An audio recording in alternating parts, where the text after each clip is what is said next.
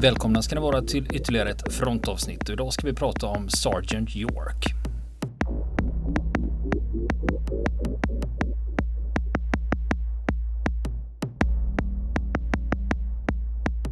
Och nu fortsätter vi historien om Sergeant Alvin York. Och som sagt att det, det där är ju en helt eh, liksom, eh, liksom sanslös uppmärksamhet han får vara med om då. Eh, när, när, han kommer hem och liksom inte helt välkommet heller för han tycker inte om att berätta om vad han har gjort. Egentligen. Han tycker att det är en massa spektakel hela tiden och så vidare. Och eh, han vill bara hem och börja, börja sitt fredliga liv igen. Vill hem och gifta sig, vill han. Så några veckor efter att han har kommit hem då till byn där så gifter han sig då eh, med sin, eh, med sin eh, eh, fästmö. Och det blir naturligtvis en jättestor fest och Tennessees guvernör är eh, vigselförrättare. Eh, och det kommer ju dit massor av människor då som vill nyfikna som vill vara med. Så det är den största fest som någon gång har hållits i den här byn och det längsta bord som någon gång har dukats i den här byns historia. Det är när, när Alvin York gifter sig 1919. Men innan, jag glömde berätta det då, att innan han kommer hem då, de inkvarterar ju honom på Waldorf Astoria det stora hotellet. Och här är en person som inte har sett eh, neonskyltar innan. Eller gatljus. Eller tunnelbana. Eller någonting. Han är ju en bondkanin som var nästan avskuren från civilisationen där borta. Hamnar på eh, ett av Amerikas finaste hotell. Och eh, de för honom också till Washington, till Vita huset. Där han får, och till, eh, till representanthuset på Kapitolium där han får stående ovationer av, av eh, eh, politikerna. Och han får ju träffa flera av de högsta. Han får träffa krigsminister Newton Baker och eh, president Wilsons eh, sekreterare. Men president Wilson han är ju i Paris och förhandlar om Versaillesfreden då. Och, eh, så att han får inte träffa prins, presidenten personligen den gången i alla fall. Men sen så åker, åker han till, eh, avrustar han då i Georgia och så åker han hem och så gifter han sig. Som jag berättade. Och eh, Gracie Loretta heter hans eh, eh, fru då. Och han har ju blivit en celebritet fast motvilligt då. Och han vill inte liksom slå mynt av sin berömmelse. Vill han inte. Man, man erbjuder honom tusentals dollar fast han ska göra framträdanden och hålla tal eller bara visa upp sig för alla nyfikna. Eh, man vill att han ska eh, använda honom i reklam för olika produkter. Eh, tidningarna vill intervjua honom på löpande band och film, folk, Hollywoodproducenter vill köpa filmrättigheterna till hans historia. Ja, han vänder ryggen åt allt det där gör han och istället så, så lånar han sitt namn till olika välgörenhetsändamål istället. Då och eh, driver eh, olika kampanjer som bland annat ska Vi vill ha en riktig väg till min by. Och där driver han en kampanj då som blir väldigt framgångsrik och till slut så, så några år senare så byggs en motorväg över bergen.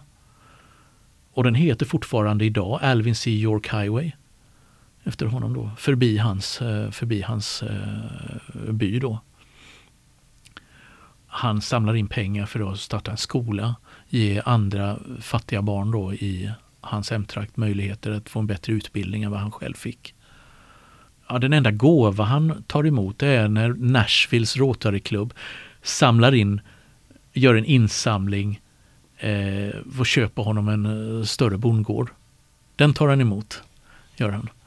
Men eh, det där lantbrukaren går inte heller speciellt lysande på den tiden. Det blir, det är krisår och det blir det är svår, han är tvungen att själv lägga ut mycket pengar också för att för, på jordbruksredskap, maskiner och boskap och så vidare.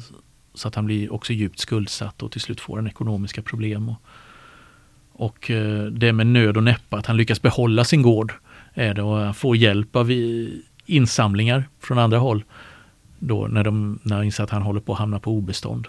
Då, och, eh, det blir också en hel del artiklar i, i tidningarna. Det skrivs om hans ekonomi och så vidare som, på ett inte alltid så smickrande sätt. Då. Och han är tvungen att erkänna att jag, jag har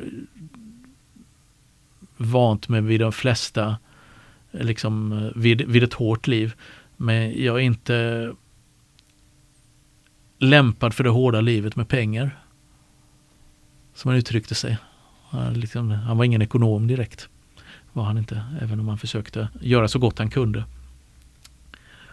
Och eh, ja, det fortsätter på det där sättet gör det. Att han, han, eh, han, startar, en, han startar en stiftelse som heter Alvics, Alvin C. York Foundation som gör en massa uh, som ska bland annat starta skolor och på olika håll i Tennessee till exempel.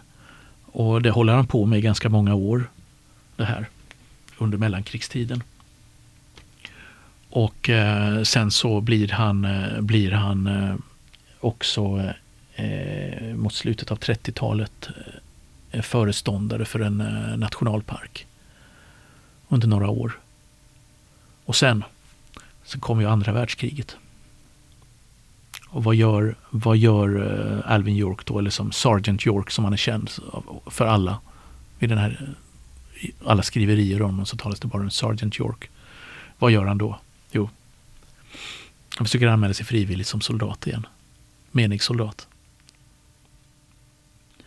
Så han mönstrar i armén. Men han är ju 54 år. Och han är inte, inte speciellt smal längre. Han är faktiskt eh, ganska överviktig. Nästan diabetes. Och han har artros. Han drabbats av. Och eh, han har beskrivits som en rödhårig jätte vid den här tiden. Har gjort, de eh, som, som träffar honom. Så att eh, han, blir ju inte, han får ju inte komma till de stridande förbanden eh, längre. Då. Men han blir ändå mottagen i det militära och befordrad till major i arméns signaltrupper. Snabb karriär. Genom snabb karriär. Så att han han används då som en tillgång i armén. Han, han, eh, han reser runt till olika eh, utbildningsbaser då och eh, deltar i insamlingar och kampanjer när man försöker sälja till exempel krigsobligationer och göra insamlingar för militära ändamål och så vidare och stödja krigsinsatsen på olika sätt. Så blir han ett affischnamn för detta. Och, eh, men han ser hela tiden till under de här turerna att han betalar sina resekostnader själv. Det ska inte armén stå för, det gör jag själv. Och eh, en som eh, kommer ihåg honom från den här tiden och hans insatser. En amerikansk general som heter Matthew Ridgway. Kanske namnet låter bekant. Han spelade en eh, roll under, han blev ju känd i samband med D-dagen då. Som tillhörde de luftburna trupperna i Normandie. Och han minns senare att eh, att York eh, med sina kampanjer under kriget och hos, skapade hos bondpojkar och butiksbiträden och andra, annat enkelt folk övertygelsen då att en aggressiv soldat som är välutbildad och välbeväpnad kan slå sig, kämpa sig igenom eller slå sig ut i varje situation. Och han eh, samlar också in pengar till välgörenhet och åt Röda Korset och så vidare under kriget. Och han tjänstgör även i mönstringskommissionerna för armén vid den här tiden också. Och eh, det blir en strid där mellan honom och hans överordnade. Därför att i reglerna för, för mönstringen så att man tar inte emot soldater som inte kan läsa. Och det finns en hel del analfabeter fortfarande på vissa, vissa vrår av Amerika vid den här tiden. Men han tycker att nej men de är, jag var ju nästan analfabet när jag stred på västfronten 1918. De här är precis lika tuffa soldater som alla andra. Är de. Det har inte, med, det har inte att göra med att de kan läsa eller inte. Inte nog med att han är major i signaltrupperna då. Han är överste för, eh, för sjunde regementet i eh, i The Home Guards. Vad är det de heter nu igen? Nationalgardet. Ja, i nationalgardet ja. Och trots det, han är major och överste under andra världskriget, så talas han bara om som Sergeant York i tidningarna. Han är fortfarande Sergeant York med amerikanska folket vid den här tiden. Då. Jag kommer ihåg att vi, vi pratade lite grann om en film i början, när vi började ja, prata om en svartvit film. Ja, men, det var ju så att han ställde sällan upp på intervjuer. Det var bara vid ett par tillfällen på 20-talet som han ställde upp och lät sig intervjuas om sin historia. Då. Och det blev också böcker av det hela. Då. Två böcker, som är, två biografier om honom, om honom gavs ut då, av olika, olika författare. Eh, och som fick titta i hans dagböcker bland annat på den tiden. Och han hade konsekvent då i år ut och år in vägrat låta någon göra en film om honom. Han var inte intresserad av att eh, sälja filmrättigheterna någonstans eller att det skulle komma en film som han medverkade till på något sätt. Men 1940 till slut, när han behöver pengar för att finansiera en bibelskola han vill sätta upp. Då så ger han efter för en tjatig Hollywoodproducent och förhandlar fram ett kontrakt med denna. Och 1941 då så kommer spelfilmen Sergeant York med Gary Cooper i huvudrollen. Ja, ett stort namn redan då. Som Alvin York, precis. Och visst, den är delvis baserad på hans egen dagbok, hans egna upplevelse och sen är också en hel del påhittat i den här filmen. Då. Man har skarvat som, man, som det brukar vara med filmer. Eh, based upon a true story. Så är det en hel del skarvningar också då för att göra det lite mer dramatiskt, göra det lite mer filmdramaturgiskt och bla bla bla. Och så slänger man in en kärlekshistoria. Ja, typ. Och, men den här filmen blir en enorm framgång. Det här är ju på vippen när USA står på tröskeln och går in i andra världskriget. Fortfarande så är det starka kra politiska krafter och stark opinion i USA för att inte gå med i kriget. Alltså isolationisterna vill inte det här. Ehm, i, i, USA. Samtidigt så arbetar presidenterna och andra arbetat för att vi måste engagera oss på Storbritanniens sida i kriget mot Tyskland. Och den kommer precis, precis i skärningspunkten där. kommer den här filmen ut då. Och eh, den blev även hyllad av, eh, av Franklin D. Roosevelt-filmen och, och eh, Alvin York blev inbjuden till Vita huset och träffa honom. Eh, och den nomineras till 11 Oscar. Och den får två Oscar. Inklusive för bästa manliga skådespelare för Gary Cooper. Eh, och det är den, mest, den film som blir den största kassa, kassasuccén i USA 1941. Så är det Sergeant York. Eh, och intäkterna som York fick för filmrättigheterna och vissa royalties och sånt, det räckte ju till den där bibelskolan då som, fort, som fanns, eh, kunde drivas ända till slutet av 50-talet. York, han eh, han försökte ju senare då inte tala så högt om att han hade varit pacifist. När han ryckte in i det militära. Den där historien ville han glömma bort. Den finns med i filmen, gör den. Eh, Sergeant York. Så finns den här historien med. Men han, han tyckte, ville ogärna prata om det. Speciellt när kalla kriget hade börjat. Så blev han en av de här eh, riktiga hardliners då, hökarna i kalla kriget. Och eh, Han var demokrat och hök och attackerade eh, de som eh, inte ville, ville att USA skulle gå in i andra världskriget. Bland annat en av de som han attackerade hårdast det var Charles Lindbergh som var på andra sidan då eh, i, den här, i de här politiska debatterna. Uh, och sen då när kalla kriget bröt ut så är han en av dem, uh, en högljudd förespråkare för att man ska gå hårt fram med Sovjetunionen. Inte nog med bara att gå hårt fram. Han tycker att man ska använda atombomben. Och han tycker att man ska slå till först. Är lite aggressiv.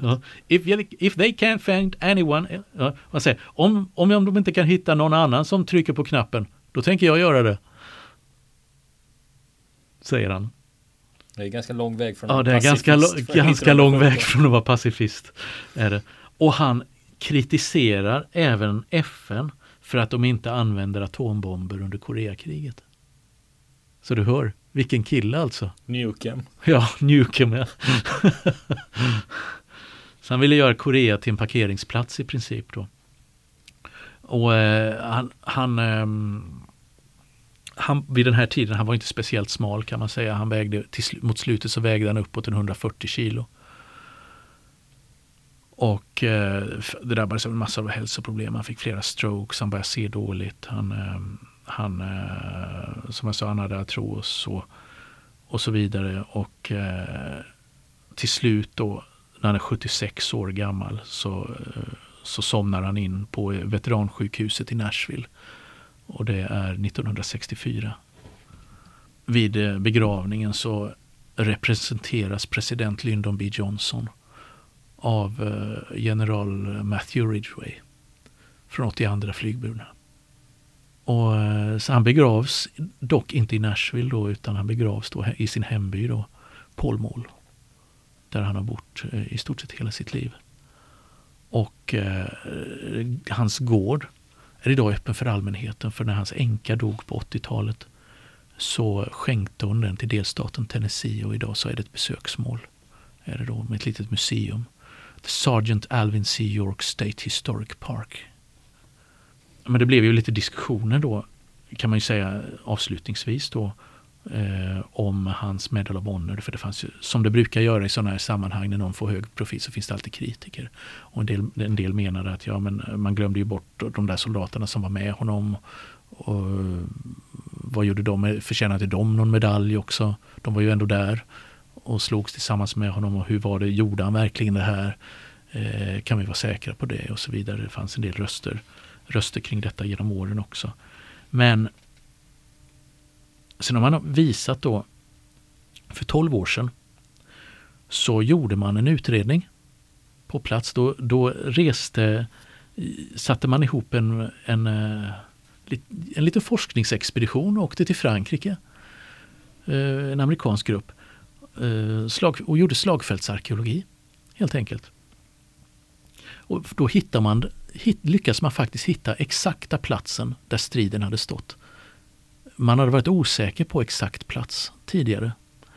Eh, för att York var ju död och ja, han hade besökt platsen efter kriget 1919 innan han åkte tillbaka till, till, till USA och då hade han ställt upp och låtit sig fotograferas där.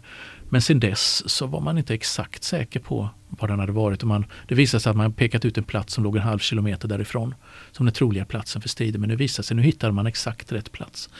Och hur gjorde man det? Jo, man lyckades på platsen hitta kulor.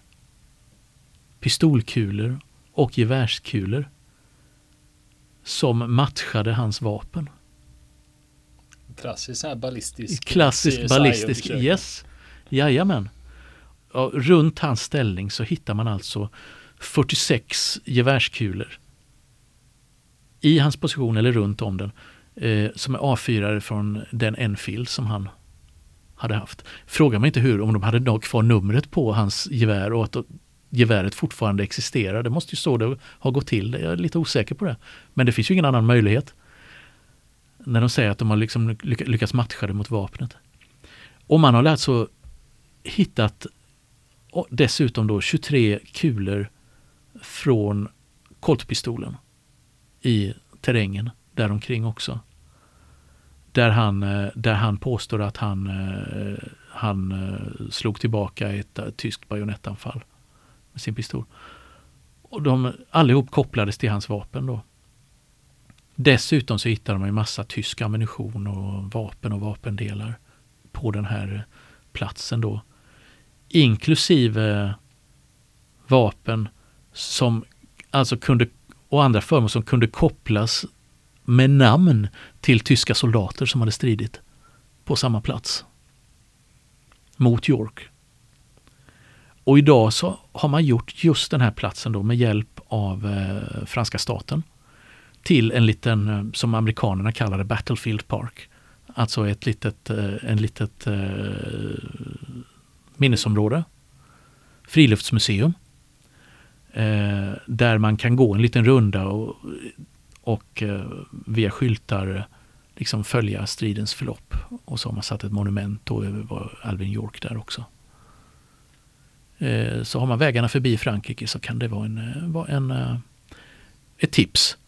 Och jag har GPS-koordinaterna här så att vi kan lägga ut dem på frontens eh, sida på Facebook. Ja, men är det långt ner eller långt upp? Det är långt ner i Frankrike. Är det. En bra bit ner är det. Ja, vi snackar ju inte södra Frankrike gör vi inte. Men det är ganska nära, nära den tyska gränsen. Är det. Så, att, ehm, så att eh, det kan ju vara en liten kul grej. kan det vara. Så det, det, är historien om Alvin York och han har ju gett namn åt massor av olika eh, byggnader och andra saker i, i, eh, i USA eh, sedan dess. Sergeant York på olika sätt. Och eh, Till exempel, vi ska se, jag hade en lista på några saker. Alltså han har fått, han har fått ge namn då för många olika, olika byggnader. Eh, bland annat ett, eh, ett eh, veteransjukhus i Murfreesboro i Tennessee då, som heter Alvin C. York Veterans Hospital. Och eh, det finns en jordbruksskola eh, i Tennessee som heter Alvin C. York Institute och det finns York Avenue i New York City på Upper Side eh, Upper East Side i Manhattan. Eh, som namngetts då efter honom. Och eh, det finns eh, ett staty då, det här monumentet som jag berättade om tidigare då som står eh, i centrala Tennessee vid Kapitolium där då. Som invigdes 1968, då fyra år efter hans död. Och det finns vapensystem i den amerikanska armén då som man har, har eh, namngett efter York, Sergeant York. Eh, vapensystem då som, jag vet inte vad DIVAD är för någonting. DIVAD. Men som, som inte sattes i tjänst utan bara var på försöksstadiet. Och 2000 gav man ut ett frimärke i USA. Med York på.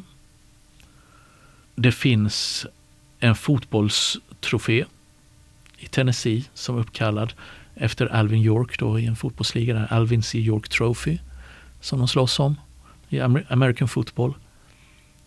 Det finns en utmärkelse i amerikanska armén eh, som, eh, som eh, utdelas till kadetter. US Army Sergeant York Award. Ja, är framstående under militärutbildningen. Eh, och som gör eh, eh, och som kanske till och med bidrar till att göra utbildningen bättre. De kan få den utmärkelsen. Några exempel. Och sen finns det ett nationalgardets tredje regemente i Tennessee uppkallat efter Sergeant York också.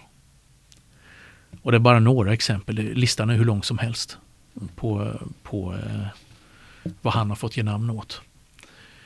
Och, eh, så att det där är en person som har betytt en del i både i populärkultur och i militär, militär minneskultur i USA. Och, eh, jag skulle tro att det dröjer säkert inte så lång tid innan vi får se en ny film med Sergeant York. Jo men det är ju alltid så när det finns, jag menar har man inte gjort någon mm. ny film sedan 41 så Nej.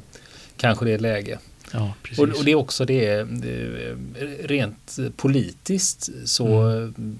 dyker ju sådana här grejer upp i olika ja. länder ibland att man ibland, jag vet jag tittar gärna, jag följer ju ryska krigsfilmer mm. och ibland så dyker det upp liksom lite, det blir lite nationell yra kring det här att man eh, använder det av rent politiska syften liksom att dra fram patriotism och liksom mm. hjältemod. Och, ja, och det är ju amerikanerna duktiga på också. Ja, men det är ju kontinuerligt. Det ja. kan man ju inte säga att jag, jag kan inte se någon svacka i det. Liksom. Nej, det har snarare blivit värre nästan. Ja, men men äh, visste du att det finns en till Sergeant York? Nej. Jo, då, det finns det. Och eh, det är nämligen så vi har pratat om, det finns en, det finns en annan podcast. Mm. Ja. En, ja. en, det finns andra podcasts än ja, Fronten. Finns det andra podcasts än Fronten? ja, det, det existerar faktiskt. och eh, bland annat är det en då som ja. jag lyssnar på som, heter, från, som är från 82nd Airborne. Ja. Eh, alltså Sergeant ja. Yorks hemmaförband. Kan just det. Just och, och, den är ju väldigt rolig. Vi har pratat om den här förut eh, mm. just med i ja, vignetten. Det har vi gjort, ja. Där de säger då mm. liksom This is 82nd Airborne From Fort Bragg, the center of the military universe. Mm. Varför kan inte vi få vara så coola? vi säger det. Från fronten.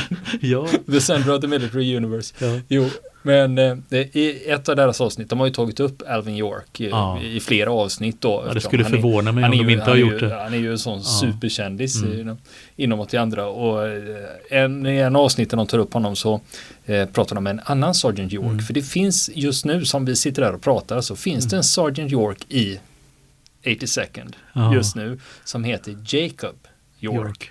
Och han är faktiskt släkt med den riktige Alvin York.